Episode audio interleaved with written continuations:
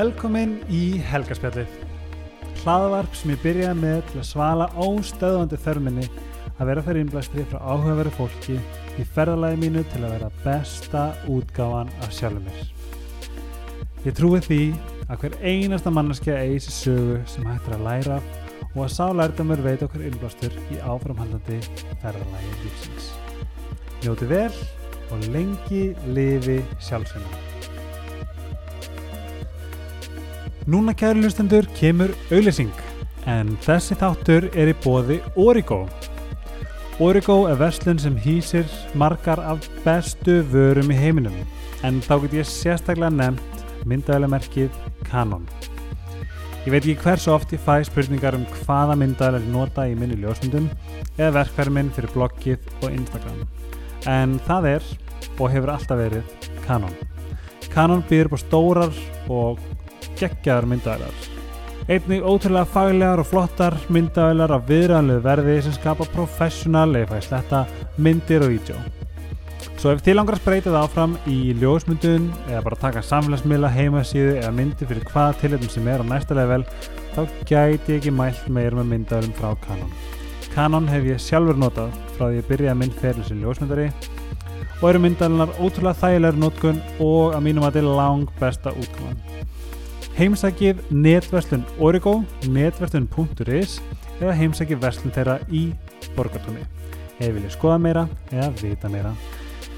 Takk kærlega fyrir stuðningin Origo og núna hefst þessi þáttur af helgaspjallinu.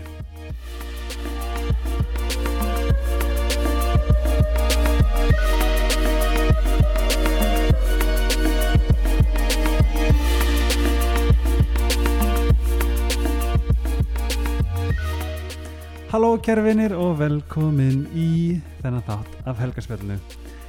Ég er hérna með gest sem var einn af efstu á mínu lista og ég hef talað um hana áður og ég veit að allir sem að þekkja hana og vita af henni eiga eftir að sitja með eirun gal spennt og, og finna að hlusta á þessa gyðju en ég er með Björn Sigfinnsdóttir hjá mér.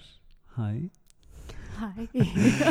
og ég ætla að fá að kynna þig með þér af því að mér finnst eiginlega og erfitt að- ef ég á að gera einn.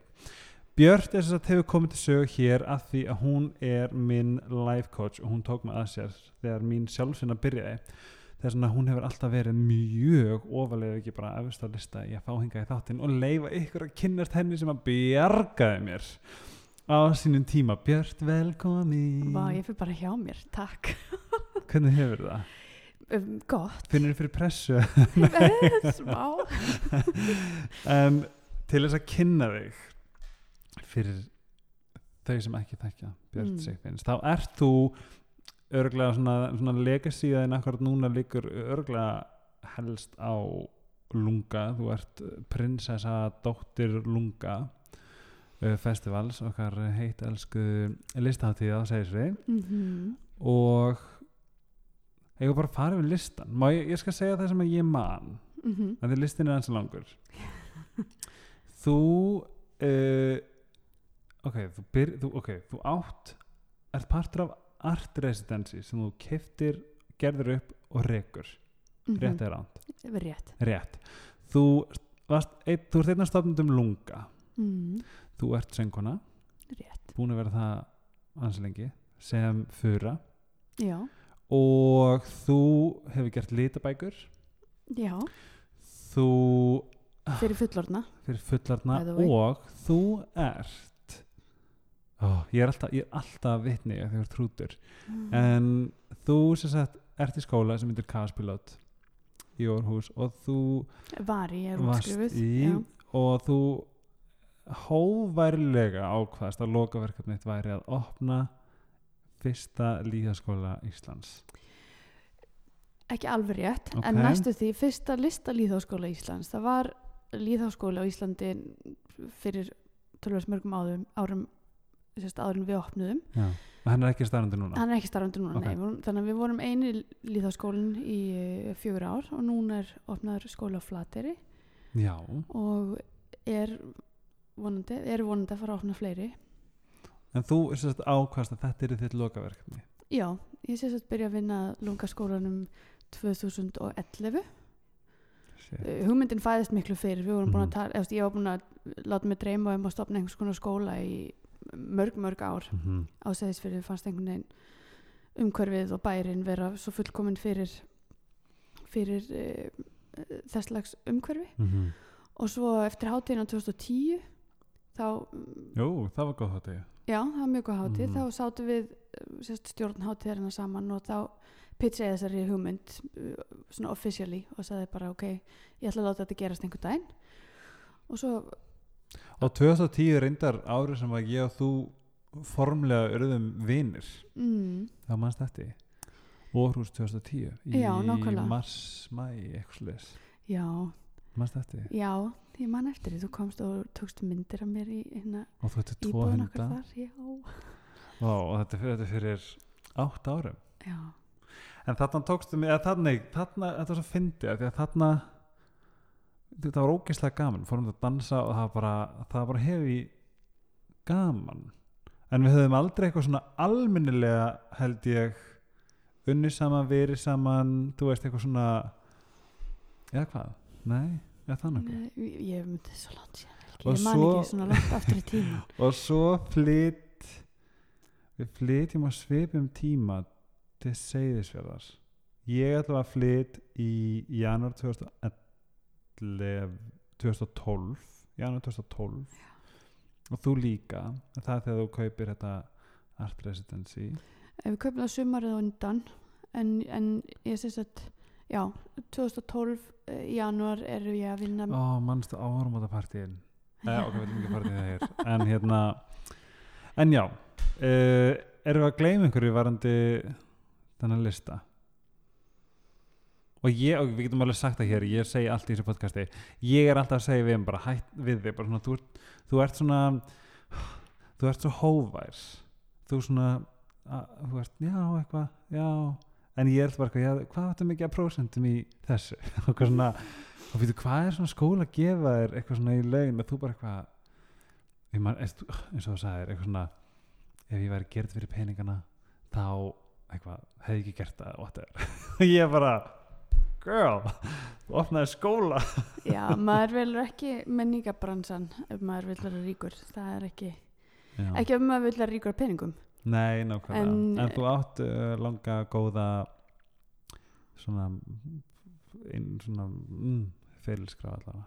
Já, og brjálæslega já, brjálæslega fengið brjálæslega mikla reynslu og Mhm. kynst ótrúlega góðu fólki og fengið að vinna við það sem Kynnist ég elska. manninum Kynnist mann mínum, já, nákvæmlega. Var hann ekki að gera byggja það ekki? þess að uh, við keiftum sér satt uh, heima, heitir það Já. uh, húsið, gamla pölvói búð Já.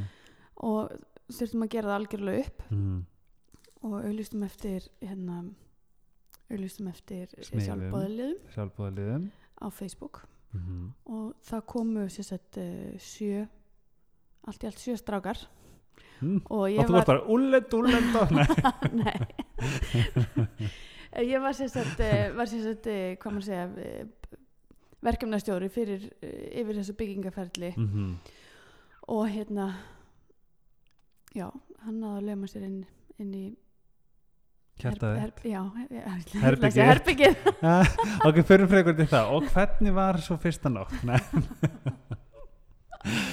Nei hérna ég um, Sko, það sem, að, það sem er líka svolítið magna við þig að þú, veist, þú ert svona garanteraður doer mm. finnst mér allavega Þú ert hrútur mér finnst þetta að vera eitthvað svo mikill hrútur að bara já, ég ætla hérna að gera sk- hérna, hugmyndum að, að opna skóla og þú opna skóla, saman með Sonju frængu þína og vinkonu mín og vinkonu okkar. Hún hugsaðar, já, mér finnst crossfit skemmtilegt ég ætla að opna box. Og svo hann var ekkert eitt, hún opna tvö. Mm. Hrútar, allavega myndi ég allavega, þetta er þeir eru svona hrútarnir mínir þeir eru svona einu hrútarreffarnir sem ég Já, Sem við ég á. náttúrulega við náttúrulega ekki gleyma að við erum bæði Andersen og Mikkelingar Jú, jú, það er, það er bara hrútar. mikið að sama blóði í að ég, ég kenni samt hrútunum um sko Já, já, en við ætlum svolítið að ég er svo spenntur að, að bara fólk að því að að, þú veist, að fólk fá að kynnast þér eins og ég fekk að kynnast þér og ég hef nefndir svo oft í þessu helgarspjalli að hérna að, já, minn life coach sem er rauninni planta öllum þessum fræjum og hvað veit ég trjám og, þetta í mig sem að svo var held árum að blossa blómstra og Björst mm. Sigfinsdóttir segð mér frá þér yes ok um, sko eða bara- þeim frá þér, ég veit allt um þig Já, kannski bara best að ég byrji þá á byrjuninni. Ég er sérst 84 mótel, fætt á, á Seyðisfyrði Mm. og uppalinn, bjóð þar í sama húsinu, Múla, undir fallega fossinum, mm. e, alla mína æsku. Ég var hérna, já, er hrútur og mm, brjálæðislega ofirk, óþólandi sem krakki, glöð reyndar Mhm. og, og mjög frjó og skapandi og hérna og það hefur mótað mig mjög mikið mm Mhm. bæði á gott og vond eða gott og ond eins og Mhm. maður segir á dansku Mhm. um, já, Vá, ég heyrði, ég heyrði þetta á dönsku þetta er svo gott og vond, ég verði eitthvað æfi svo hugsaði ég þetta á dönsku og ég verði eitthvað, vá, nei, þetta passar ekki á íslensku. En já. Ok, bæði á góðan hátt og slæman hátt. Um, og kannski Úst, þetta hafði, það hafði rosalega mikil áhrif á, á uh, sjálfsmyndina mín og sjálfstörstu mitt að ég Mhm. væri ofvirk, ég var sérst sex ára þá vildu skóla við völdu setja mig á, á uh, árveikn, árveiknislíf Mhm. uh, Rítalín og mamma sagði bara nei Mhm. uh, kem ekki til greina, hún vildi hún var hrættum og það myndi bara eðalegja alla Kæfaði bara já, alla sköpunargleðina Mhm. og ekki það að það, hún hafi eitthvað á móti uh, lifum fyrir það sem þurfa hún var bara ekki sammála að, Mhm.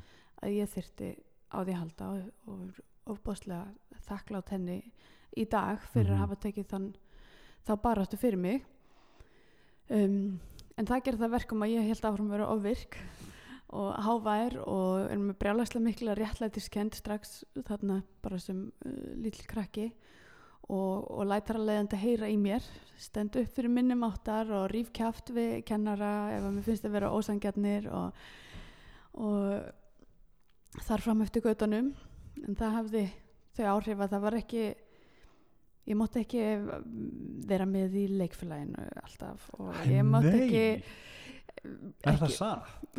já, Í alvöru? ég var svo óstýrilát ég fikk ekki vera með í dýrin hálsaskogi til dæmis Ó, var það skellur? það, ég var alveg miður mín mér langaði svo mikið að vera með Var það þegar þú veitir að það bara leikstýra hvernig? Ég held að mann, það, það er ábyggilega góð gild ástæða fyrir því en ég held að það hafi verið þú veist, ég man ekkert nákvæmlega hvernig það var. Ég man bara að það hafði mikil áhrif Já, á mig að fá ekki að vera með. Já. Og svo byggum við já, í Múla sem er aðeins fyrir, fyrir utan, ekki aðeins löpum Mhm. fyrir utan bæinn. Og, og það gerir það líka verkum að það var, var alveg það var ekkert allar stelpunar í bæknum sem að máttu leika við mig eða vildu leika við mig Mhm. þannig að ég var alltaf svona mjög mikið leitandi eftir þessari svona best, bestu vinkunu eða besta vini Mhm. alla mína æsku og, og finn ekki þennan, þennan einstaklingurinn verið fyrir en ég finn minn fyrsta kærasta og hérna og það er svona upp úr upp úr 14 ára aldrinum þegar, þegar ég einmitt, eignast minn fyrsta kærasta sem ég svona fer að leifa líka sköpnargleðinni að blómstra Mhm. meira. Þá fer ég að hérna þá byrja, byrja við á, á lunga. Og lunga verður eiginlega til einmitt við eldhúsborði heima ég hef sagt þess að sögu hans og Sem er ára fyrsta, er ekki rétt mér, fyrsta er 2000 jú, einmitt. Og þá er ég Olsen bræðinir þá, þá, já, Eurovision. Já, þá er ég sem sagt svona manni eh, öll, öll ár. Já, eitthvað Eurovision Eurovision, já Já, fyrir Ok, ekki Já. Em, já, þá er ég fi- 15 að vera 16 Mhm. og var í tíundabæk og var bara alveg að klepra þannig segis við, fannst ekkert gaman að búa þarna og var, þú veist mm, í öllum íþróttum, þú veist, Mhm. sundi handbalta, fótbalta, skýðum og var enga veginn að fá einhvern veginn næg útrás þó Mhm. ég hafi, elsk, hafi elskað að vera í íþróttum og hérna og segi við mömmu við erum einhverju hérna erfirildi sem að gerist oftar en ekki en það báðar mjög svona Hvað er stjörnum mamma þín? hún er uh, fyrsti júli, hún er tvíburi nei, Nei, krabbi, hún er krabbi. já. ok. um, og ég segi við hann herri, ég ætla bara að flytja á Eilstæð en enn þess ekkert, þetta Mhm. er bara glatað og hérna maður er ekkert að vera í þessu skítapleys og, og það var hann kærast með bjóa á Eilstæðum Mm og hérna hún segi, nei Björn þú ert ekki að fara að flytja á Eilstæði -hmm. Við bara- bekk. við bara gerum eitthvað í þessu. Við bara búum til hátíð. Að Það, ég veist ekki að það væri svona. Nei, vissi það það lesa blöðin Helgi. Hérna, já, þannig að þannig varð, varð hátíðin til.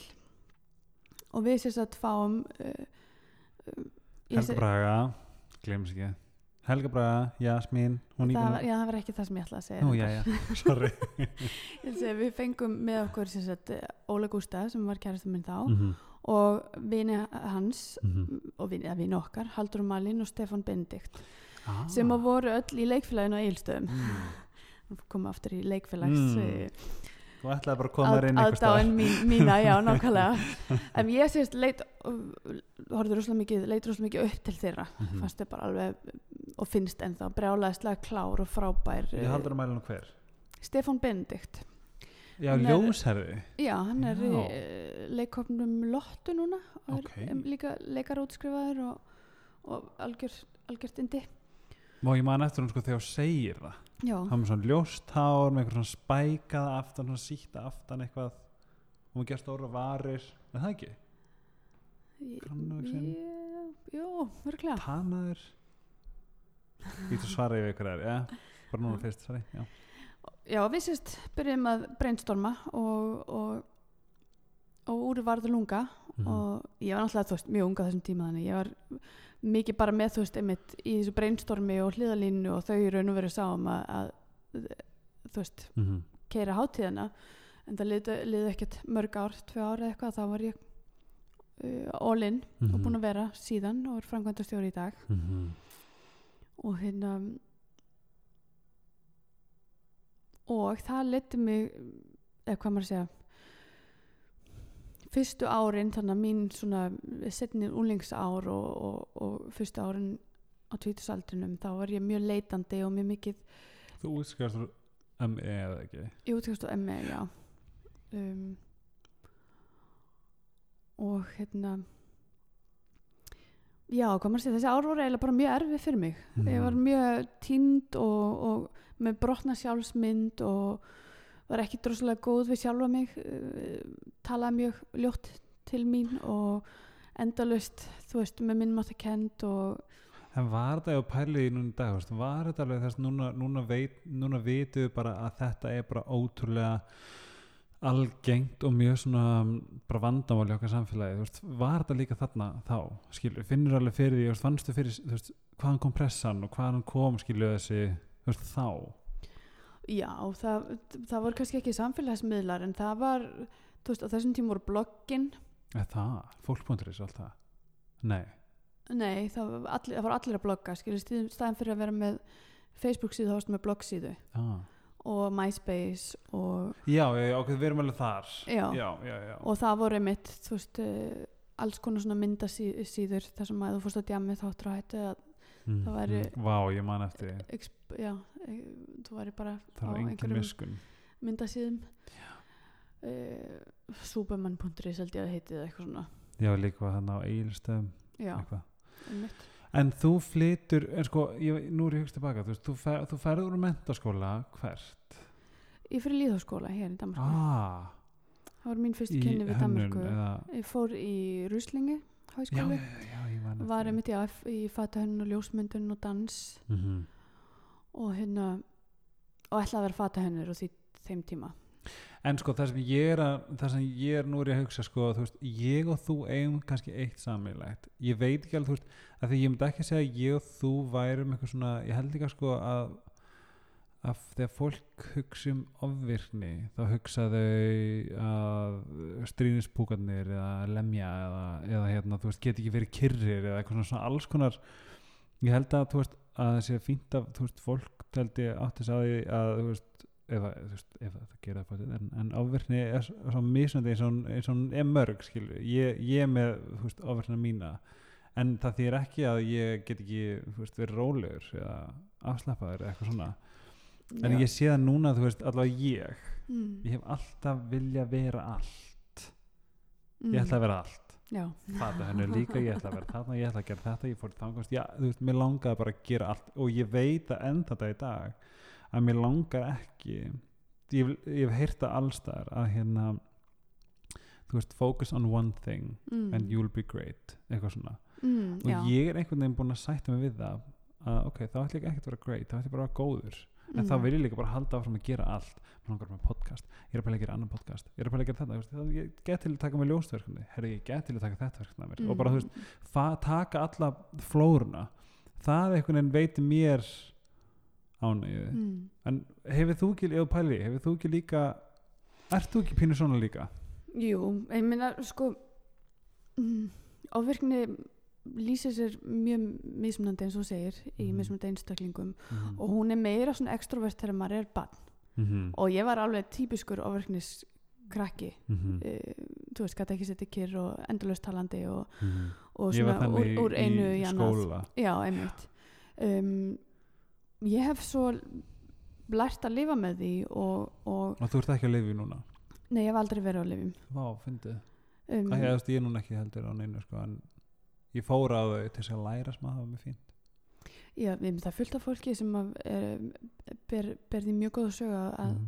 á lifjum að, að vera á þessum lífum og bjarga lífið þeirra og það er bara frábært að þetta sé bóði Mhm. um, ég held að ég hafi bara verið í svo mikil afneitun, ég vildi ekki vera ofvirk að því að vera, Ah. mér var kannski strýtt svolítið á því sem bann að vera Mm. ofvirk uh, og þú veist að bitnaði á mér Mhm. uh, kannski mest frá fullorðnu fólki mér að segja en, en það svona, já ég var eiginlega bara í afneitun og, og hef þróað með mér alls konar tækni brellur til þess að uh, svona, hvað segir maður svona, taka stórsvegi í kringum uh, ofvirknina eins og hvað, er þetta í dag? Já, já, en Já. ég nota það hverjum einasta degi. Þú veist, eins og bara listar þú veist, ég er með hundra lista í símanum, synga við tölvuna á blaði, Og í iPadnum já, nákvæmlega, þú veist, út um allt upp á vegg okay. bara, þú veist, að því annars myndi ekki muna neitt. Já. Að því að þú veist það sem ég finnst bara einnig gaman er, að- en, en er þið að þú veist að halda fókus getur þú lesið bók og þú veist? Ég man ekki hvernig ég las bók síðast. Já ok, að því að þú veist það sem ég finn líka ég ég get líka svo auðvitað gleym mm. ég get alveg haldið fókus eins og til dæmis ef ég sitt fyrir fram tölvunar að búið til tónlist mm -hmm. uh, en það er- líka skapandi Já, nákvæmlega en um, en já, mjög vill með svona út í samtölum, sérstaklega Mhm. ef ég er innan um mikið af fólki, ef ég er á skemmtistað þá til dæmis á ég mjög erfitt með að fókusera og enda ofta að ég sitja svona á milli tvekja para sem er að tala saman eða veist og hlustar bæði Já, já ég líka og, og, og, það er oft sem að ég bara svona að horfa manneskina og er að nikka kolli skilu já, og ég er bara kolli kinka kolli og ég er bara út um allt. Mm. En það er eitt sem ég langa líka sérstaklega þig er að þú ferð, ég- þú veist, ég mann við hérna nei, mannstu oh, ég, nei, ég ætla ekki að nefna þetta en við hittust einhvern veginn Reykjavík þá bjóst á ska, einhverju skaga hvað heitir við, þannig að skerjafyrði þá hittust þið líka en það var eitthvað fyrir en þú ferð allavega eftir eftir eitthvað ferðu í kaospilot Já, og ég er eiginlega svona mest forvitin að vita og mér sérstaklega líka bara gaman fyrir þú veist fólk að vita fyrsta lagi hvað er kaospilot mm. og hvað gerði í rauninni þú veist, að því að þá maður segja það þú veist að, að þú svolítið mótast í rauninni í þessa sem þú ert í dag að mörguleiti og svona, verður svona meira fínpúsuð í kaospilot ekki satt, þú veist, þú Mhm. kynnist þér betur, hvað er, getur þú útskipt pínu fyrir mér þetta kaospilotferli, kaospilot Já. uh, skóli í Orhus. Já, sko ferli byrjar raun og verið áður en ég byrja í skólanum. Ok, um, 2008 eitthvað, já, það er 2000, nei, 2007 þegar þú skilur já, þá, þegar, þegar við Óli hættum saman og ég fyrir eiginlega beint yfir í annað samband Mhm. án, þess, alg- án þess að gera fyrir sambandið upp Mhm. uh, þú veist, eftir nýja ára samband Mhm. sem var svona, já, svolítið stórt stökk og, og vanhugsað og, og ferið mitt, já, beintin í nýtt samband uh, án þess að hafa sleppt takinu gamla í raun og Mhm. veru og fer í brjálagslega vinnutörn og hérna Hvað fannst að gera þá? ég var að vinna fyrir Reykjavíkuborg Já, já, og já. með lungaháttíðina Þá varst það skerið fyrir. þá var ég skerið fyrir, já og, og vann rosalega mikið uh, það var að opna sett, það var akkurat að opna þjónustuverið í, í uh, borgatúninu og bara frá fyrsta degi á mér hent bara á hérna, þjónustuborðið og það vissi enginn hvernig þetta virka og ég ætti bara að finna út úr því Mhm. og það var bara þvílíkið veiki og þetta var akkurat líka hruninu og þetta var bara yes. og þar sem að ég var ekki svona kannski andlega stabiliseruð Mm. uh, uh, að þá þá hérna Gerist ekki, þetta gerist það sumri til eða ekki? já, já, sem hausti Ok. sem er hausti til Og og ég veit ekki hvað heitir á íslensku uh, gå niður með stress Já, Eh, bara, að fa- þetta niður með strax.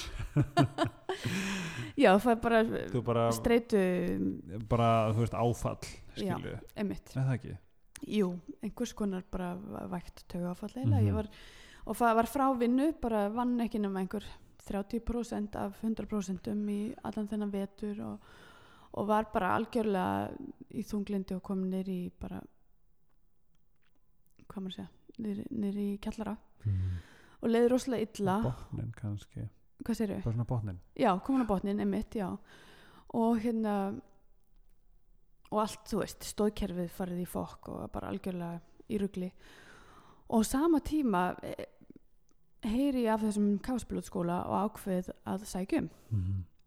og hérna og ég sækjum og strax þegar ég er að skrifa umsóknina þá, þá verði brjálæslega spennt af því hún Mhm. er svona þú veist, ég var búin að fara í háskólan var búin að vera í listasögu, var búin að fara í alls konar tónlistanám í FIH og reyndar elskaði það en, en búin að, þú veist, vera út um allt, einhvern veginn, þú veist, hvað ætli að verða, hvað ætli að læra Mm. uh, og endalust einhvern veginn að svona, hvað maður segja íta sjálfur mér áfram á væntingum annara eða því sem að ég Mhm. trúði að aðrir Ætlast til þær. já, nákvæmlega og svo já rekst einhvern veginn á þennan skóla fyrir algjörða tilviljun ég átti danskan kærasta þá Já, eldsnett áður en að við förum þánga. mm, Varðandi, nei, sorry, halda áfram. ok Þá get ég fara, já. Já, og, og sagt, var, við vorum að búin að tala um að flytja til Danmarkur og, og ég var búin að skoða sagt svona e, verkefnastjóra um, nám Mm. og það poppaði þetta upp, káspilot og sagt, þessi umsókn þessi umsóknarferli er ótrúlega svona persónulegt það er að spyrja Mhm. ótrúlega persónulega spurningar allt öðruvísi heldur en allir aðrir einhvern veginn háskólar sem að Mhm. maður hefur nokkuð mann komið, komist í kynni við Eldsnett, getur, getur sagt að þarna varstu spiritual típa? Varstu þarna orðin, nei, ég var, nei, pff, ekki meðvitað allána nei, ég var ekkert þú varst ekkert að Þú spá veist, í þannig að segja. það, það, nei, þannig var ég bara tínd Já, ok. Var bara eitthvað, þú veist var að búið til tónlist, var að taka upp mína fyrstu plötu en var einhvern veginn ekki að að fíla það sem ég var að gera Mhm. uh, vissi ekki alveg af hverju, var útrúlega lélega sjálfsmynd, var ekki hamingisöm á neitt hátt, var ótrúlega þú veist, ósatt við líkama minn og, og alls konar svona bara Mm. og svo uh, sækja mér á skóla fer í undirpróf mega intense, kemst inn Færðu út í inntökupróf? Já, þú þryggja þetta inntökupróf Mm. og, og strax þá vissi ég bara ok, þetta er, þetta er það sem ég vil gera Mm -hmm. inntökupróf er svona margir alls konar æfingar og það eru, maður er í hópi sérst, 11 mann saman í hópi og það eru e, það sem maður kalla svona stone face observers að fylgjast með öllu sem hún gerir og skrifa niður allt sem hún gerir og allar reyfingar og allt sem hún segir og það er verið raun og veru að fylgjast með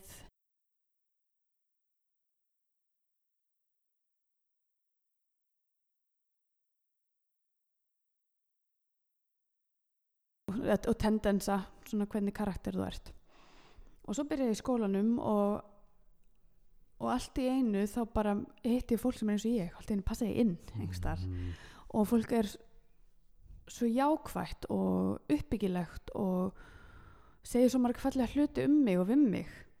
Og allt í einu þá bara svona um, það ferli sem að fer í gang er ótrúlega uh, ótrúlega djúft, ótrúlega persónulegt. Ég fer bara algjörlega að endur með þetta sjálfa mig og líf mitt og, og fyrir hvað ég stend, allt einu ég svona og þetta er pæla í partur því. af náminn ekki satt? Já, námi ítur mjög mikið undir þetta og er, Mhm. þú veist, maður í gegnum alls konar svona persónulega ferla þar sem maður uh, einmitt lítur inn á við og, og, og spyr svona sjálfan sig þessar stóru spurninga. Hver er ég, hvað vil ég, fyrir hvað stend ég? Mhm. og, og allt einu var ég bara svona einhvern veginn að átta mig á því hvað skiptir mig miklu máli og af hverju að mér liði illa í ákveðnum aðstæðnum og innan um ákveð fólk eða uh, þú veist hvenar mér liði vel. Og hver er rauninni, hver er þér til handar í þessu? Ertu ein, ertu með verkefni? Ertu með blöð, þú veist hvernig?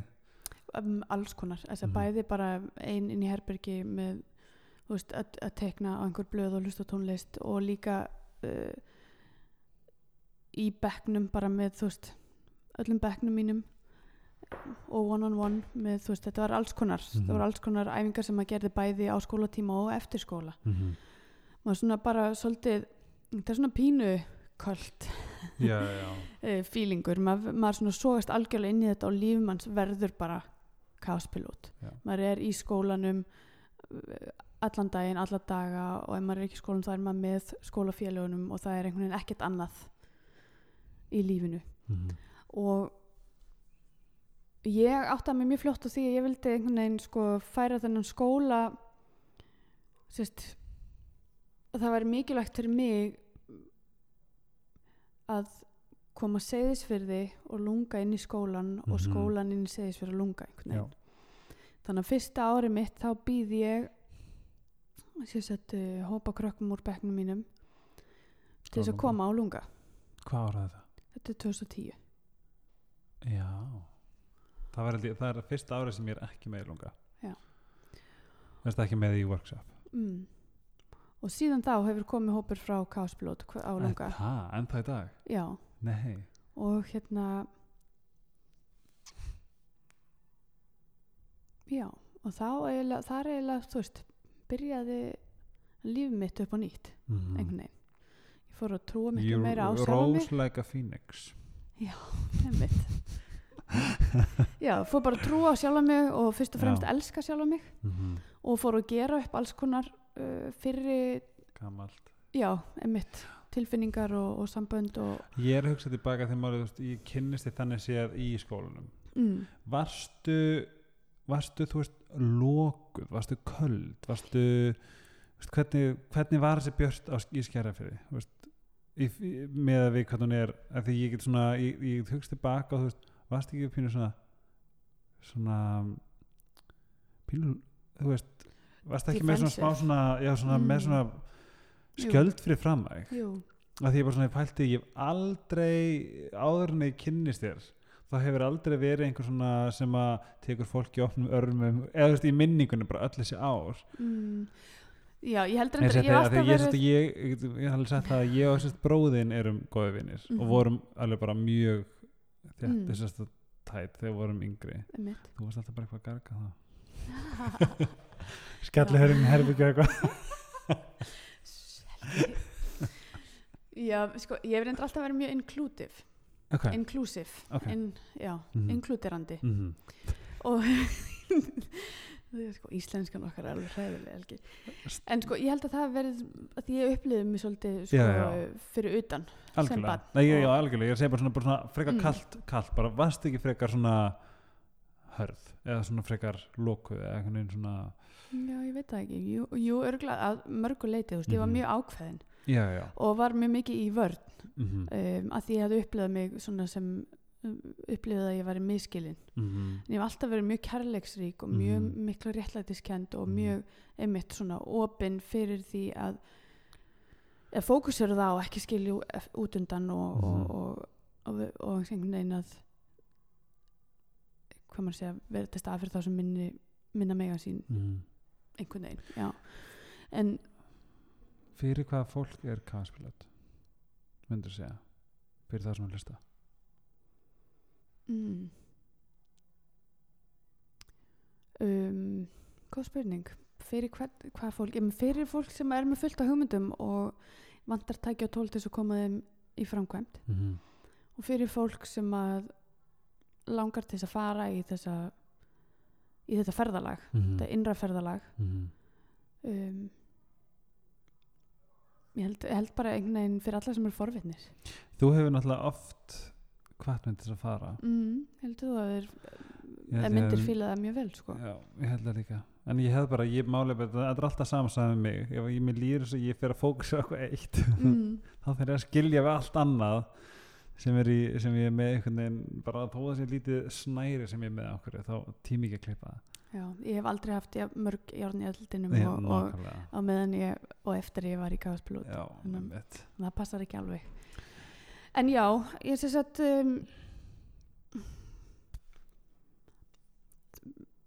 þessi ár í gafaspilút voru brjálæðislega mikilvæg fyrir mig Mhm. og, og emitt svona gaf mér þessa nýju byrjun og það sem ég nefndi við áðan svona kannski það eitt af því mikilvægasta sem ég lærði var var svona að átta mig á því hvað við átta mig á þessu að við sem einstaklingar um sérst öktum út frá okkar persónulega raunveruleika.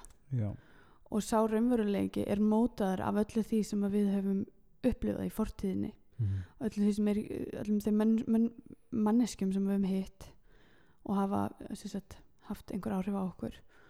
Og þess vegna er svo mikilvægt að læra og geta sett sér spór annara Mhm. þegar kem, sérstaklega þegar kemur á samskiptum við fólk og samskiptum við ástvinni og sambönd almennt. Og það er þar sem að þetta tungumál ástarinnar eh, kemur inn, ég lærið, lærið, fór á fyrirlistur í sérst káspilótur um, um tungumál ástarinnar sem að reyði mjög mikið við mér og sem að ég hef predikað bæði fyrir mína nefndur í skólanum, lungaskólanum og, og fjölskyldu og vini. Já og þig og hérna og er eitthvað sem að mér langar, þú veist, ég vil helst bara deila með öllum, ekki að því að ég líti á þetta sem einhver trúabröð en það bara einhvern veginn opnaði svo mikið fyrir mér En ef þetta verður trúabræð þá verður þetta fjandi gott því já, en meira svona kannski að því maður á ekki að taka henni bókstaflega maður þarf alltaf að einhvern veginn aðlaga þeoríur og, og hluti Mhm. að sjálfum sér Mhm. þannig að það fungir fyrir mann eða konu um, og hérna sérst tungumál ástarinnar um, sérst, það sem það gerði fyrir mig var ég á til dæmis ef ég tek bara þetta dæmi sem ég yfirleitt nota og var kannski þetta, það sem að svona breytti öllu fyrir mig var samband mitt við, við pappa minn Mhm. við áttum mjög stormasamt samband uh, eiginlega alveg fram að því ég byrjaði í káspilót vorum svona áttum hvað maður að segja em, ekki stormasamt er ekki rétt við áttum bara, Hvað stærðum ekki hann? hann er bómaður Ok. ég var alltaf að reyna að gangi augun á honum Já, ok ég var alltaf að reyna að Fá viðkenninguna og fa, já, nákvæmlega og alltaf að reyna einhvern veginn að fá hann til þess að elska mig Mhm. að því ég sá ekki að hann elskaði af lífinu Mhm. og sérst, það sem þessi tungumál ástarinnar snúast um, þau snúast um þess að það sé þessi fimm tungumál. Það sé mm, þessi klassísk sem við þekkjum með orðum, þess að maður tjái ást sína með orðum, Mhm. maður tjái ást sína með gjöfum. Maður tjái ást sína með snertingu. Maður tjái ást sína með því að gera greiða. Sérst að redda einhverju fyrir einhverjum veist, Mhm. redda einhverjum vinnu eða afslátt eða veist, whatever það getur verið. Og hérna og síðasta með gjöfum. Var ég múin að segja það? Þú erst búin að segja það. Æ, hvað er ég, nú er ég múin að glemma hvað ég múin að segja. Þess að gjöfum, snertingu, orðum. Já, og eða tíma saman og gera greiða. Já. yes, gott. Vá, þess að finnst veist að tala um þetta. Þú veist, ég var ekki, þú veist ef, ég- ég getur sungið Dion þá myndi ég syngja It's all coming back to me now Já, ég, ég, búin að- ég vissi að ég verið búin að segja ég já, En sérstætt, og við erum sérstætt sem einstaklingar, sem manneskjur um, erum yfirleitt með kannski 23 tungumál sem við notum svona aðalega. mhm, Ég er aðalega svona, ég nota mjög mikið orð, segi mjög mikið það sem ég finnst og tilfinningar og, og snertingu, gefa knús og kissa og, og, og svona. Og, og þetta með hérna, greið já, eða þú veist, ég, em, maður, það fara flestir inn í alla fimm, en Mhm. þessi tveir eru svona mínir sterkast. ok, á meðan að pabbi til dæmis er mjög mikið í að redda hlutum fyrir fólk og hérna og hérna gera greiða og kannski meira heldur en ég, þú veist, ég eða tíma saman. Mhm. Þannig að við svona klössuðum algjörlega.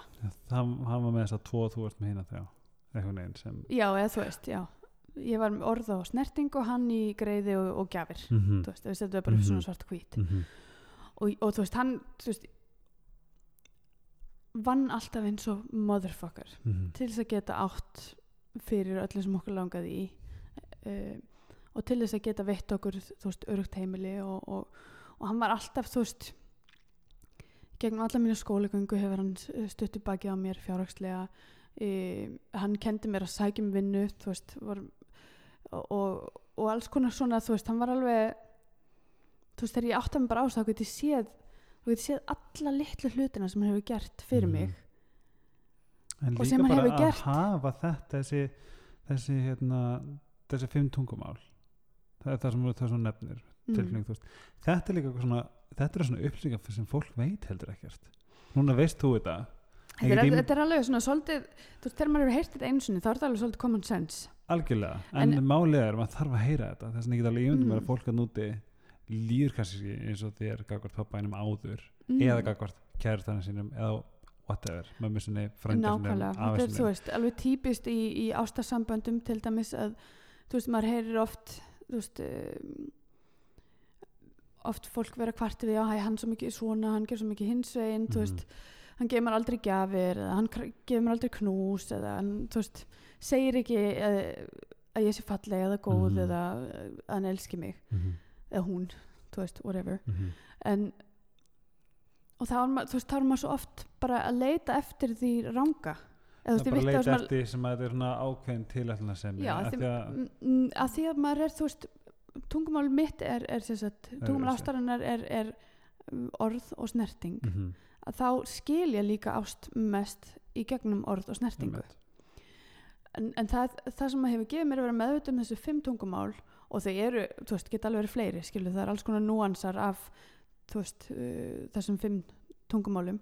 En það sem hefur gefið mér er að ég get séð meira Mhm, þegar fólk er, er að gefa mér kærleika mhm, á sinn hátt mhm, uh, ég get útskýrt betur hvað það er sem ég hef þörf fyrir. Mhm. um, og ég get gefið á þeirra hátt og tekið á móti þeirra ást Mhm, Sér, við pappi er einn af mínu bestu vinnum í dag áður það gáttu við valla tala saman því ég var alltaf í vörn að mér fannst ég aldrei vera nógu góð fyrir hann mm því Mhm. að ég man ég var hjá sálfræðingi þannig í kringum þegar ég fór niður með stress mhm. fólk, ég held að fólk fættu þú Já. bara fegst bara svona streitu áfall og þú Já. varst bara out of it og sálfræðingur segir við mig "B- Björt, horfðu hann á stóla þannig ímyndaði að pappin sita á hann hvað er það fyrsta sem þú vilt segja við hann? Mhm, hvað er það fyrsta sem kemur í hugan og ég segi, fyrsta sem kemur í hugan minn er bara af hverju elskar mig ekki? Ah, og þú veist, ég var 25 ára mhm, og búin að fara í gegnum all lífið og halda að pappi minn elski mig ekki. Mhm. og núna, þú veist, í dag er ég 34, 35 Mhm. bráðum. Wow. 34, nei. Það- Já. og hérna og ég, ég, veist, ég skil ekki hvað ég var að hugsa. Mhm, ég skil ekki að ég hafi ekki séð þetta bara pappi minn elskar mútið af lífinu. Allt sem Mhm. hann hefur gert uh, allt sem hann gerir í sínu lífi er fyrir mig og, og sískinu mín og, mhm. og mömmu mína og þú veist uh, stráki minn núna. Þetta er hans. Og það er bara það er ótrúlega mikilvæg gjöf fyrir mig að fá að læra inn á þetta.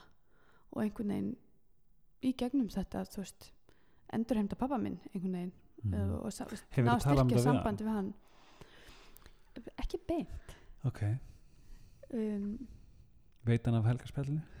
Nei, en hvernig segðum við hvernig, hvernig var breytingin segjum þegar þú algjörlega búin að plæja þetta innra með og þú hittir hann aftur? Hvað er búið að breytast skilur við, hvernig hvað varst þú búin að segja við sjálfa þig og hvernig breytist sambandið svo? Ég minna til dæmis bara það við hefum ekki rifist síðan. Já. ekki einu sinni. Og við rumst mjög oft. Um,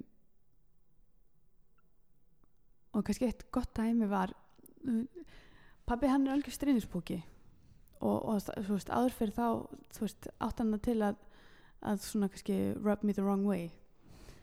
Og hérna það var uh, örgulega fyrstu páskana eftir, eftir að ég byrjaði í, í káspilót Mhm, Nei, ekki, já, einhver, einhverja páskana þannig mhm, og ég man að hérna Jónatan Lassi sem að voru með lungaskólan með mér mhm. voru þarna. Nei, nei, þetta var, já, Sörn var þarna líka þannig að þetta var 2014 eða eitthvað. Eða 2013 kannski. Og hérna og við erum upp á skíðasvæði og hérna bróður minn er á er, er að kæra á snjósliða sem að bróður pappa á og ég sé sem hei, má ég ekki taka í dreng var bróður þinn eða bróður pappaðins á snjóðslæðinum? Bróð, ekki það skiptum miklu máli en bróður minn var á snjóslan sem bróður pappa minns á Einmitt, ok, að Yes. ég þekki þetta fólk þess að nú er Já. ég að reyna að pæla hver þetta er Einmitt, já, ok og hérna þess sem að já, Óli frendi Mhm. og, og, og pappi Mhm. eiga svona saman Mhm. þannig séð og þann ennþá ég hef ekki humdu það allan ég spyr, má ég ekki má ég ekki taka dreng og þá segir pappi, ég get ekkert geða leifi fyrir því. Og ég bara, hvað minnur ég með þetta, Óli á hann sleða ég bara, hver gaf Jóni leif sem er bróð minn, Já. Jóni. Ég? Og hvað, akkur getur ekki leif, gefið mér leifi Að hann er miklu betra að kera uh, snjúslega heldur en þú. Og ég er náttúrulega bara tjúlaðist inn, inn í mér. Já, ok.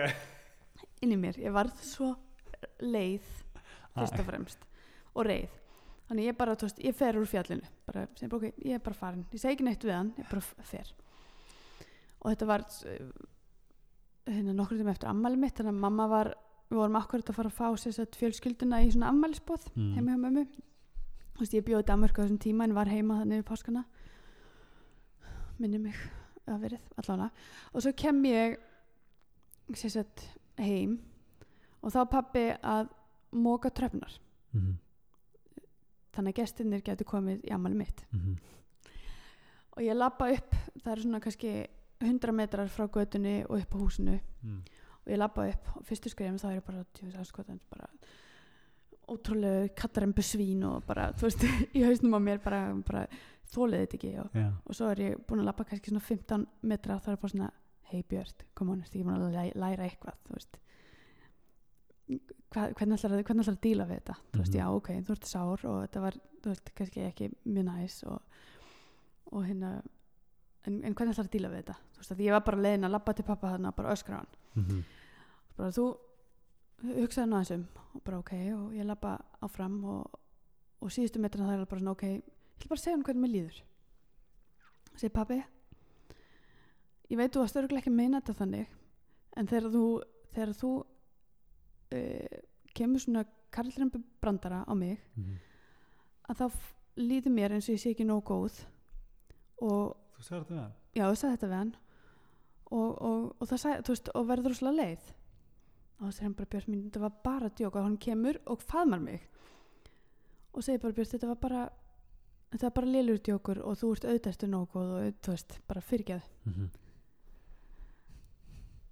þetta hefði aldrei aldrei nokkuð tíman uh, verið svona áður það Fyrir, ég, það hefði ég labbað upp á hann og öskara bara þú veist, þú eh, ert helvítis eitthvað Já, einmitt, Mhm. bara þú veist, akkur má ég ekki og bara ég er alveg nógu góð til þess að Já. kera hann heldur snjósleða og bla bla bla Svona og góð við bara, Jónin ekki svona og bara eitthvað, þú veist, ég er búin að vera með bílpróf í, þú veist, 15 ár og Einmitt.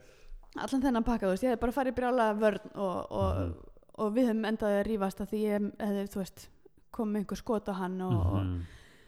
Þú veist, í staðin fyrir að sjá að hann er í raun og veru, þú veist, Að Það stendur var ekkert þarna. að bak við þetta heldur en eitthvað sem að skilur Nei, og líka, og þú veist, og svo endaði ég bara að segja takk fyrir að þú sért að móka tröppunar svo að Mhm. gestinni getur komið í ammali mitt, þú veist, að því hann stóð þarna og var í raun og veru að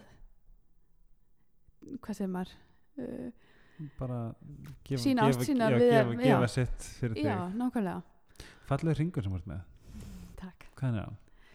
Þessi hérna fekk ég frá uh, þér.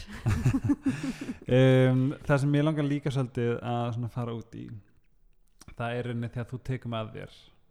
Já, og þetta var 2012 þetta er að svipum tíma og allt þetta er að gerast. Já, þetta er 2012 og þú ert nýflutt til Seyðisverðar að sjá um heima Já. sem er þitt art residency ég ekki hvað það er á íslensku Lista listaresidensi, já, listamanna íbúð Já. listamann íbúð og þarna er ég á sama stað og kannski þú varst um, og ég er að sjá hellingi sjálfum mér núna bara að hlusta þig en ég er sem sagt uh, hvað mig var það þá er ég ný komin úr sambandi og ég er sagt búin að vera ég flytt frá Seðisveri til Reykjavíkur í samband sem að var mjög væntum hann í dag en það var líka frekar stormasamt svona fyrsta ástinn og nýja tilfinningar og ný kynneið þú veist, var- ja, þú veist Já, já. allt sem að því fylgir og, og fyrsti kærasti minn og hérna og bara þú veist 17 ára bara, bara bandit skilur, bara Mm. einhver brjálæðingur í Reykjavík og þú veist var bara búin að vera um allt og svo bjóði í London og svo flutti, nei flutti Köpen og svo flutti ég til London og svo kem ég aftur til Íslands og þá fyrir ég annað samband og, og á meðan allt þetta er í gangi þá er einmitt saman, ég bara þekkti mig ekkert eina sem ég vissi var bara, ég var á með rakett í rassinum mm. ég var, þú veist, ég tók dag eftir dag frá degi og, og þú veist, ítti þessum tilfinningum til hliðar og fór, þú veist, ég bara, þú veist, ég var ekki í neinu sambandi við sjálf mig Mm. og þó svo ég hefði var góð manneskja og ég var ennþá næs og ljúfur og whatever og var líka alveg með og átti líka mjög hellar er henni hliðar að mér á þessum tíma. Mm. um, og hætti í sambandi hérna janúar og kem bara beint heim. Og þú svona óbeint tekur mér svona opnum örmum og óbeint tókst mig og reynda bara svona þú fær einhverjum vangjum og og heldum yfir minn þetta var líka bara, ég var að koma heim til þess að örglá, ég, ég hugsaði bara, ég ætla bara að slappa af. Ég ætla bara Mm. að taka þeim róla og var að segja svo til september. En mannstu eftir þessu?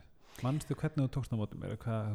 Ég man sérstaklega vel eftir einu kvöldi þar sem við vorum í heima mm -hmm. og vorum búin að kveikja fullt af kertum og varum búin að setja bara uh, fullt af blöðum á gólfið. Mm, svona, svona langa rúlu já, og fórum í gegnum þína lífsögu mm -hmm. sem er æfing sem að ég í raun og veru bjóð til Mm -hmm. eftir að ég var búin að fara í gegnum allt þetta sjálf Mm og snýst um þetta að setjast niður og segja einhverjum söguna sína -hmm. því það er svo ótrúlega sjaldan sem við gefum okkur tækifæri og tíma til þess að horfa tilbaka Mm í, og í einhvers konar þú veist kronológiskri röð -hmm. nokkurn veginn fara í gegnum allt það sem við erum búin að fara, upplifa Mhm. og alla einstaklingarna sem að hafa haft áhrif á okkur Mhm. og finna út úr því hvar eru sérstætt uh, moment þar sem maður er svona svona þessum defining moment Já, einmitt. sem að bæði það sem hefur, hefur gert manni gott og það sem maður kannski ennþá er svolítið fastur í, Mhm. uh, læstur í því, því ef við vinnum ekki úr uh, úr svona okkar trámum Mhm. eða neikvæðu upplifunum að þá setjast þær fastar í líkamann ef og hafa áhrif á allt sem þú gerir Já, sko, það er líka í mann því, þegar sömu hlutir sem þú sagðir, ég, ég man, ég hugsa bara hvernig fjandanum vistu þetta mm. þess að ég er komin komin heim og ég man eftir að þú sagðir spurði mig viltu, þú byrjar á að segja þetta byrjar sem tengdist á fyrra sambandi og talar um að veist, er þetta, veist, viltu halda áfram veist, er þetta eitthvað sem ert investar í er, og ég tala um að ég vilja halda áfram. Þess að þú allt í einu segir um mig heyrðu, ok, hér eru skrefin. Og bara út úr trantinum aður koma þessi fimm skref í rauninni að syrgja eða að Mm. komast yfir eitthvað. Já, og þú bara eins og, eins og bara einhver hljóðbók, þú bara sagðir þetta upp á því, ég skil ekki, ég þarf enda að googla þetta. Mm. en þetta var sérst að sirg, um, sætt, nei, sirkja þú veist, sætti sem missin eitthvað, ég get ekki munið þetta en ég maður bara síðast að vera að halda áfram mm. mannst þú þetta? já það er uh, Syrgja. sætta sig við missin sleppa takinu sleppa takinu læra að lifa án einstaklingsins já, og svo halda ok, ok, ég, ég ætla bara að fá að ég ætla að byrja um að segja þetta aftur af því að, Mhm. að því að þetta var eitt magnasta sem ég hef bæði heyrt og sem ég tók að mér ég tók þetta verkefni að mér mm. en fyrir eitthvað annað úti sem er annarkvort að berjast við að komast yfir eitthvað eða það er einhver með eitthvað í takinu eða maður er í einhvers konar sorgaferli þá eru þessi skref og eins og þú sagði mér þá og ég er búin að segja þetta ég er náttúrulega búin að miðla þetta áfram fyrir Mm. bara, all, bara fullt af fólki með minn lífi en þetta er, þetta er alveg bylu hérna svara þetta er bylu hérna bylu lærdómur um, að því að þetta, við förum öll í gegnum þetta mm. í sorgaferli annarkvært gerum við það meðvitað og ómeðvitað þetta er í rauninni ferli sem að, sem að við svona automatist annarkvært ógislega hægt og svona painful eða þú ert með fyrir fram að þig og þú markvist vinnur að þessum skrefum til þess að flýta fyrir ferlinu Mm. ég ætla að byrja þig áður en við heldur áfram að segja þetta einu sinni enn. Og fyrir einhvern veginn úti sem getur nýtt þetta write it down. Mm. skrifin Já. eru hver? Skrefin eru að syrkja að hérna sætti sem við missin sleppa takinu. Læra að lifa án viðkomandi og halda áfram. Og það sem er mikilvægt að segja við þetta mm. í, í þessu samhengi er að við erum, þú veist, að skrefin er mismunandi fyrir hvern og einn Mm. sorgarferðlið er mismunandi á hverjum einum og algjörlega það að þú veist uh, en eru þetta samt ekki svona aðal hattarnir í rauninni sem að við svona automatist jú, við þekkjum, við þekkjum öll einhvern sem hefur endalaust verið að fara til aftur og aftur eða situr Já. fastur í einhverju sambandi eða fastur Eða- einhverju skrefi já, þá er það yfirleitt að því að við komum til situr fastur í einhverju skrifi en, mm. en það er bara mikilvægt að segja þetta, sé- þetta er ekki svart á hvítu nei, nei, nei, nei, veist, nei. og það er En ekki, það er ekki ég, sko, ég er alveg sammála því ég allavega setja fyrir mig þannig að í rauninni þegar maður fer í gegnum samband eða hætti með að ég, ég allavega trúi því að ómeðvitað þá er þetta eitthvað sem við automatist gerum mm, en mér, mér líður þannig. Mér leiða þegar ég var með þetta fyrir fram að mig þegar ég náði að skrifa þetta niður þá hugsaði ég, ok, þetta er það sem ég þarf að gera. Þú veist, ef ég gerir þetta skrefi, fer eitthvað að vinna þessu skrefi þá er ég að flýta fyrir ferlinu þú veist. En ég held að fyrir eitthvað sem að þekkir ekki þessi skref, veit ekki á þessum skrefum að þeir kannski, þú veist, reyna. Fara kannski tilbaka, detta niður, fara þanga ok, ég, bara, ég verð bara að komast yfir hann. Eða komast yfir hana, whatever þetta er svona, þannig er allavega lífið mér eins, þannig að það- þetta er svona mín túlkun á þessum skrefum sem að þú gafst mér Mm. þá þetta er náttúrulega, sko, ég fekk þetta frá uh, sálfræðingi á sínum tíma Ok. og, þetta, og hann sagt uh, segir mér þetta sé, sé þau skref sem oft notuð til að hjálpa fólki að komast yfir andlát Mhm. einhvers nærkomind Mhm. og hérna og ég uh, sagt tek þetta til mín og, og, og, og adapta þetta yfir á sem sagt, sambönda þegar oft tala um það þegar maður hættir í sambandi eða maður missi sagt, slítur vináttu og þá sé það oft eins og maður sé Missa- að missa ástvinn þetta ekki eins en þú veist uh, þessi ákveðnir, ákveðnir þetta er svona lúmst svipu kategóri já, það eru ákveðnir, ákveðnir hlutir sem að, sem að Mhm. uh, mattsa ég man alltaf eftir því, ég tók þessi skref mm, og gerði og vann bara nokkuð góða vinnu. Ég var með bók, þú sagði mér að skrifa niður allt. Mm. ég var með bók sem ég skrifaði niður. Og kendi mig líka með því að skrifa niður er þetta komið úr hausnum. Einmitt. Og yfir á, yfir á eitthvað svona fast form. Mm. og og sem er teikna og sem er skrifa Já. sem er en ég að finna þú veist að þetta hefur verið það heilbriðasta sem ég hef gert varðandi að þarna var ég búin að bera í tveimur sambandum, alvegum sambandum þetta þriðja og mér tókst að einmitt gera þetta svona, þú veist þetta, var- þetta, var, svona, þetta var rosalega magnað þó ég Mm. beri ekkert nema kærleik og bara vinsemd og virðingu og bara veist, alltaf kakvart einstaklingsins þá tókst mér samt að í rauninni Já, ég komast að að... mjög heilbyrt út úr þessu með svona einhverja vinna á bakinu og það var mjög einstakt og ég held að sé oft um, um maður, þegar maður næri einhvern veginn að vinna sig það er mjög mikilvægt að maður vinni sig út úr þeim sambund sem maður hefur verið í um, hvað sem að gera það með þessum fimm skrifum eða einhvern annan hátt og ég held að, að það sem að það sem að þessi vinna gefur manni er einmitt möguleikin á því að finna kærleikan aftur til Mhm. viðkomandi Tókst þú þessi skref? Já, ég tók þessi skref fyrir mjög seint sko, fyrir eiginlega bæði mín fyrir sambönd Mhm. í einu Já. um, Hvenar? Var þetta ásæðis við? Gerður þið með mig kannski á að segja mér það? Nei, ég, og ég mann það ekki Nei. Hver vann Júruvísin þetta ár? Já, einmitt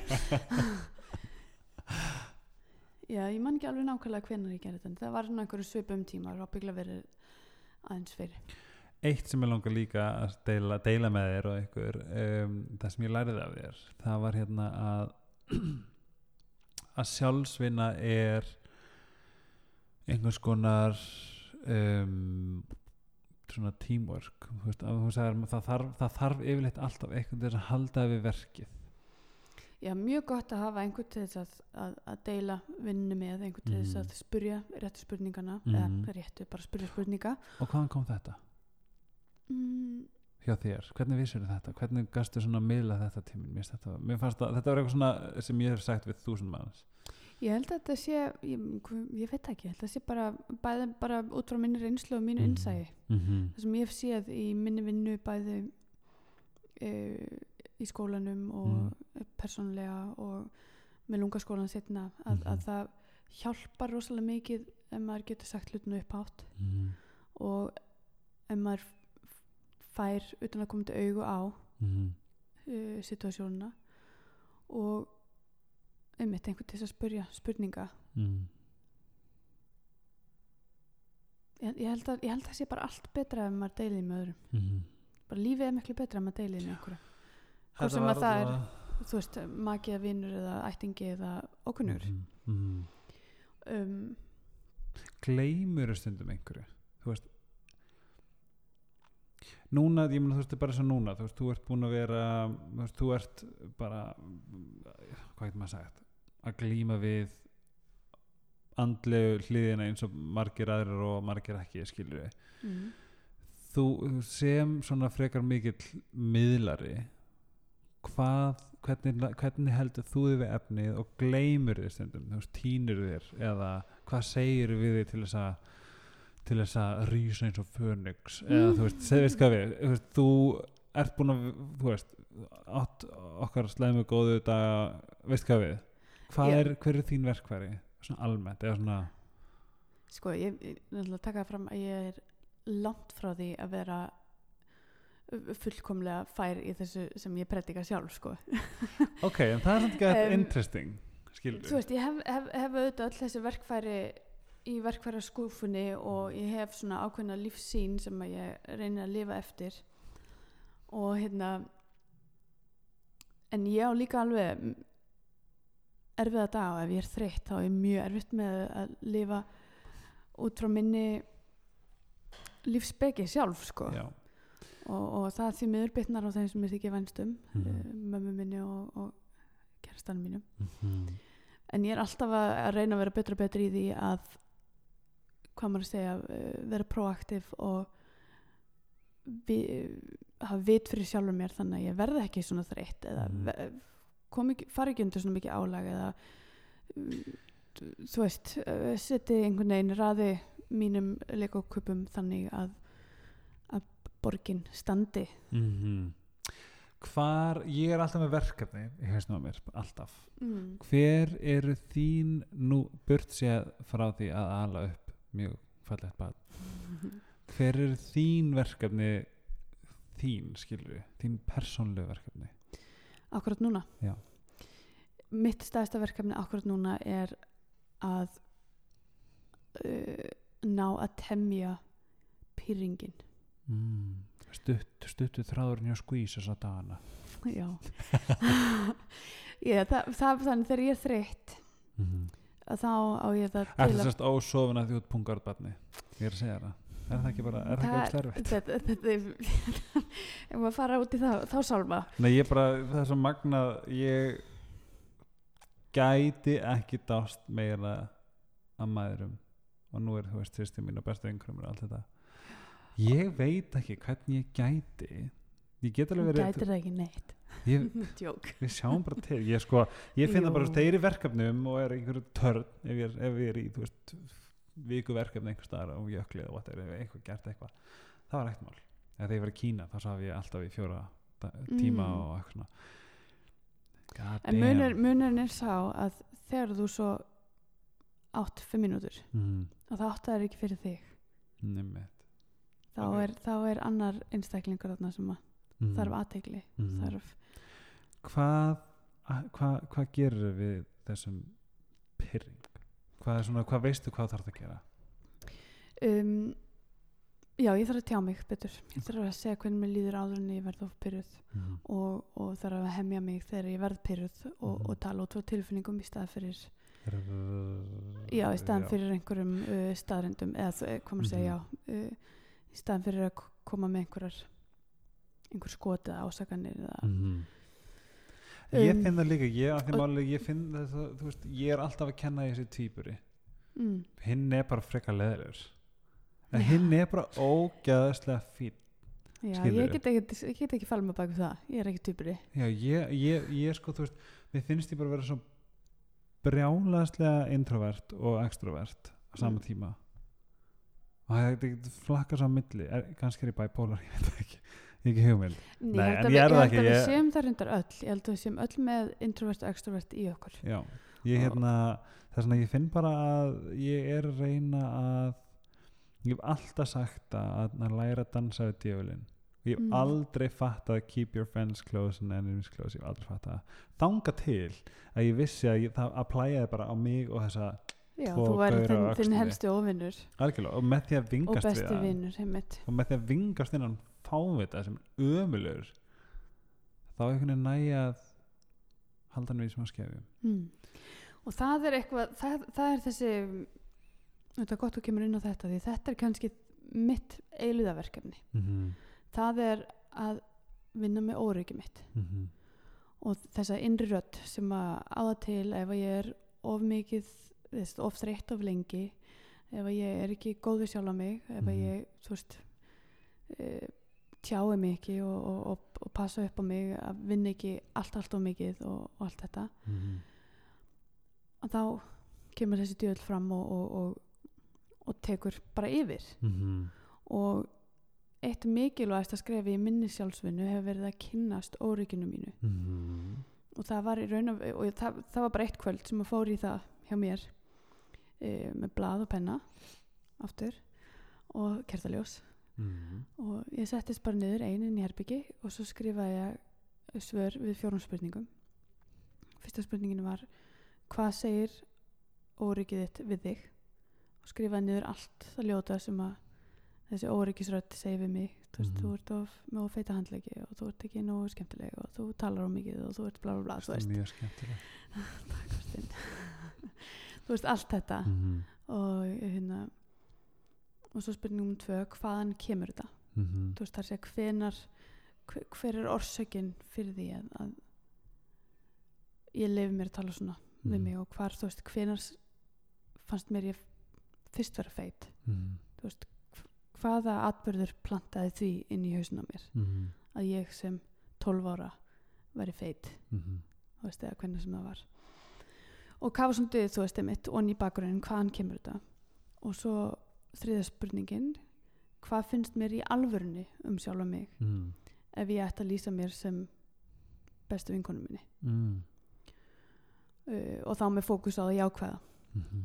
og svo síðasta spurningin hvað ætla ég að gera til þess að breyta þessu Ok, Hugsunarhætti. þetta finnst mér vera mjög krúsjál og það, er það, sem, að- það sem var mikilvægst í þessu það sem, að, það sem þetta gerði fyrir mig sérstaklega Mhm. fyrsta spurningin hvað segir óryggi mitt við mig Mhm. og, hvan, og önnur spurningin hvaðan kemur það Mhm. það er þú veist að eftir að ég skrifa þetta niður Mhm. að þá þú veist dagana og vikunar eftir og mánuðina eftir að þá, þú veist þetta hvarf ekkert á einn ein degi en allt í einu þá gæti ég þá, ég, þá tók ég eftir því að þegar ég sagði við sjálfa mig þú ert feit. Þá, þá, þá fatta ég nei, þetta er óryggið sem er að Já. tala.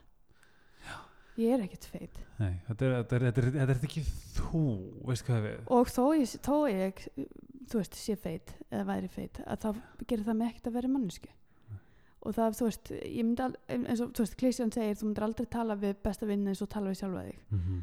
og það, það þú veist það er svo rétt, maður þarf að tilenga sér þetta að tala fallega við sjálfa sig. Mm. og maður einhvern veginn, ég gæti allavega ekki gert án þess að skilja hvaðan þessar hugsanir koma. Mm Þetta finnst mér vera geggjað. Það er svona ég ætla að beða um að endur taka spurningarnar bara það er einhvern veginn út í ekki nýtt sér þetta?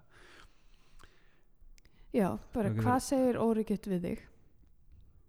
Og þá getur maður bara að fara í gegnum þú veist, hvað er ég búin að segja? uh, slæmt við sjálfa mig í, Mhm. í hausnum í dag mm -hmm.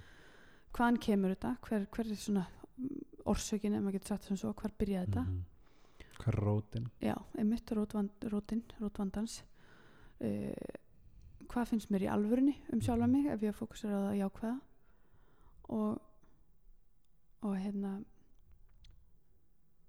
og líka samt taka neikvæð með þú veist, Mm allt í lagi ef, ef mér finnst í alvörunni að ég sé pínulöt -hmm. að þá er alltaf leið að skrifa eða þú veist, þá skrifa maður að, að ég, ég er pínulöt. Og svo er fjörðu spurningin hvað ætla ég að gera í því? Eða þú veist, Mhm. hver er næstu skref, hvernig ætla ég að breyta þessum hugsunarhætti? Ég nefnilega get ekki ég gleymur oft líka og þess vegna líka tala ég um það svolítið við þig. Af því Mhm. að þess að halda sér við efnið og, og að týna sér pínu og þú veist, ég lendi alltaf ég er alltaf að, alltaf að hugsa nei, nei, nei, nei, bítu, bítu, bítu, vá, þú ert komin bara alltaf langt út af veginum koma svo, eit, þú ert koma svo aftur, á- aftur að beina veginn. Mm. hvað, þetta er ekki það sem þú stendur fyrir. Þetta er sama, ég, veist, ég, og við glýmum við þetta held ég langflest mm. en þess vegna fannst mér gott að heyra þetta því að þú er enni, fyrir mér ert þú svolítið þú veist, Gabriel bara að, þannig að byrtist mér eitthvað svona. Og bara, þú veist af þeim, þeirri upplifun sem að ég hef þeir þá upplifið ég pínlítið sem óbyrðanlega en þú ert það ekkert og við erum það ekki og ég er það ekki og það er það engin nei við- reyni, þetta er svona sem að þú predikar með, hvort að þú nýtir þetta. Þess að þú kennir mér ég, ég, já, ég gerði það. Mhm. ég gerði það, en ég gleyfi mér líka alveg. Nákvæmlega, og ég held ekki að það selur bara eðlilegt. Og við, ég held sko að við hittum náttúrulega bara á einhverjum tímapunkti sem var mjög mikilvægur fyrir okkur bæði. Mhm. þú veist, þú líka gefið mér helling. Og eins og ég, þú veist, hef sagt svo oft við það er svo mikilvægt að muna að sjálfsvinna er eilöða verkefni Mhm. og um leiðu heldur að þú sért búinn með verkefni þá ertu búinn að það tapa kemur eitthvað já Ó, girl. þú veist, það er, það er, það er ekkit verra heldur en að vera uh, spiritual að halda að maður sé komið með lausnina á öllu. Ég finn því það. við breytumst á veist, við erum alltaf að breytast Já. og heiminu breytist og allt kringum okkur breytist og við verðum fyrir áhrifum á öllu sem að við þú veist, öllu sem verður á vegi, vegi okkar. Já, eitt í viðbót á þenni gleymi. Því. mm. nei, betur, ertu, ertu, varstu búinn? Já, halda fram, ég, ég, ég, nei, ég er búin. Ertu, ertu viss? Ég, er allavega búin, búin að missa þráðin en hérna, já. Sorry, Allt en ég verð að koma inn á eitt. Oh my god, þú kendi mér. Ég man eftir mannst eftir því? Ég leitaði bara markvist til þín. Bara bjart ég þess að afbyrðisamur hvað ger ég? Mm. og þú fucking sagði hluti sem ég var bara er hún eitthvað geðvik nei ég alveg, ég var bara veist, auðvitað ég að brjálast þegar þetta gerist. Eða sko veist, ég bara, þú veist, hvernig getur hvernig getur ég sofið með þessi ráðum sem þú varst að gefa mér Mm. en slowly but surely ég náttúrulega hlust alltaf á þig og ég gerði þetta allt saman og síðan þá, síðan þetta verkefni ekki, þetta ekki sé kláraðist en þegar ég náði svona að þú veist, fá, fá allt svona beint fyrir fram mig Mm. ég hef ekki fundið ég ætla ekki að segja ekki fundið en ég afbrýði sem er eitthvað sem að ég á ótrúlega erfitt með að bugast yfir Mm. það er allavega afbrýð sem er ekki partur af, af mér lengur Nei. eins og það var. Þú tókst mig gegnum það. Mér langar ógslag að deila með öllum. Við verum, að, verum aðeins þetta tíma en já, barn mitt er orðið svant hann, næri að McDonalds hérna eitthvað. Fá fór einn eina makkflöri já. Er ekki mjólk í því. Hvað er þetta gafall? þryggja mál nei, ok, ég allavega þú veist eh, allavega, við getum farið út í það kannski ef við tökum ránd við einhvern tímann þetta var afbrýð sem er einhver þjáðast Eitthvað, ég var stjörnu af brýðsum bara fyrirgeðu Óli og fyrirgeðu Jeppi ég var óþólandi ég bara, ég vissi, ég held að og líka það sem var svona magna við það ég mig grunaði aldrei í svart myrkrinu að ég geti nokk tímann ekki verið afbrýð samur mm. Ég skildi ekki hvernig fólk gæti þetta. Ég skildi ekki hvernig fólk gæti verið í sambandtímuli Mm. en þetta var magnað að komast to the other side. Og merci beaucoup my friend. Það var mjög, eh, en við getum endilega við langar ekki að þetta fara út í þetta setna meir. Mm. er til að koma aftur?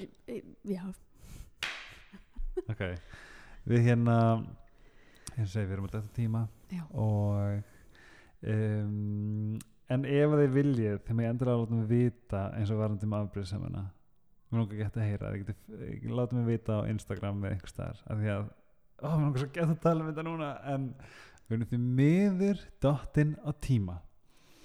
Og ég þakka þið bara from the bottom of my heart að hafa komið og skilja batnið þitt eftir til þess að koma að tala um mig í höndum ókunnugs. Í höndum mannsinsni en þið getið fylgst með Björn á Instagram undir um, uh, usernameinu Björn mm. Björn eða Fura Music. Eða Fura Music og þið getið fundið hann á Spotify undir Mm. Fura Music og iTunes. Já, og YouTube. Já, eitthvað smá. Það er eitthvað smá, allavega eitthvað slæmi mitt. Já, og um, já, menn þið getið fundið mig eins og vanlega á Helgi Ómarsson á Instagram og trennet.is skástrík Helgi Ómars. Björn, takk fyrir að koma og ég er gladur að fengi þig. Takk við sjáumst næst Já. með fullt af öðrum umf- viðfangs umfangsefnum, viðfangsefnum. Já, við ætlum að segja blessa saman tíma. Já. bye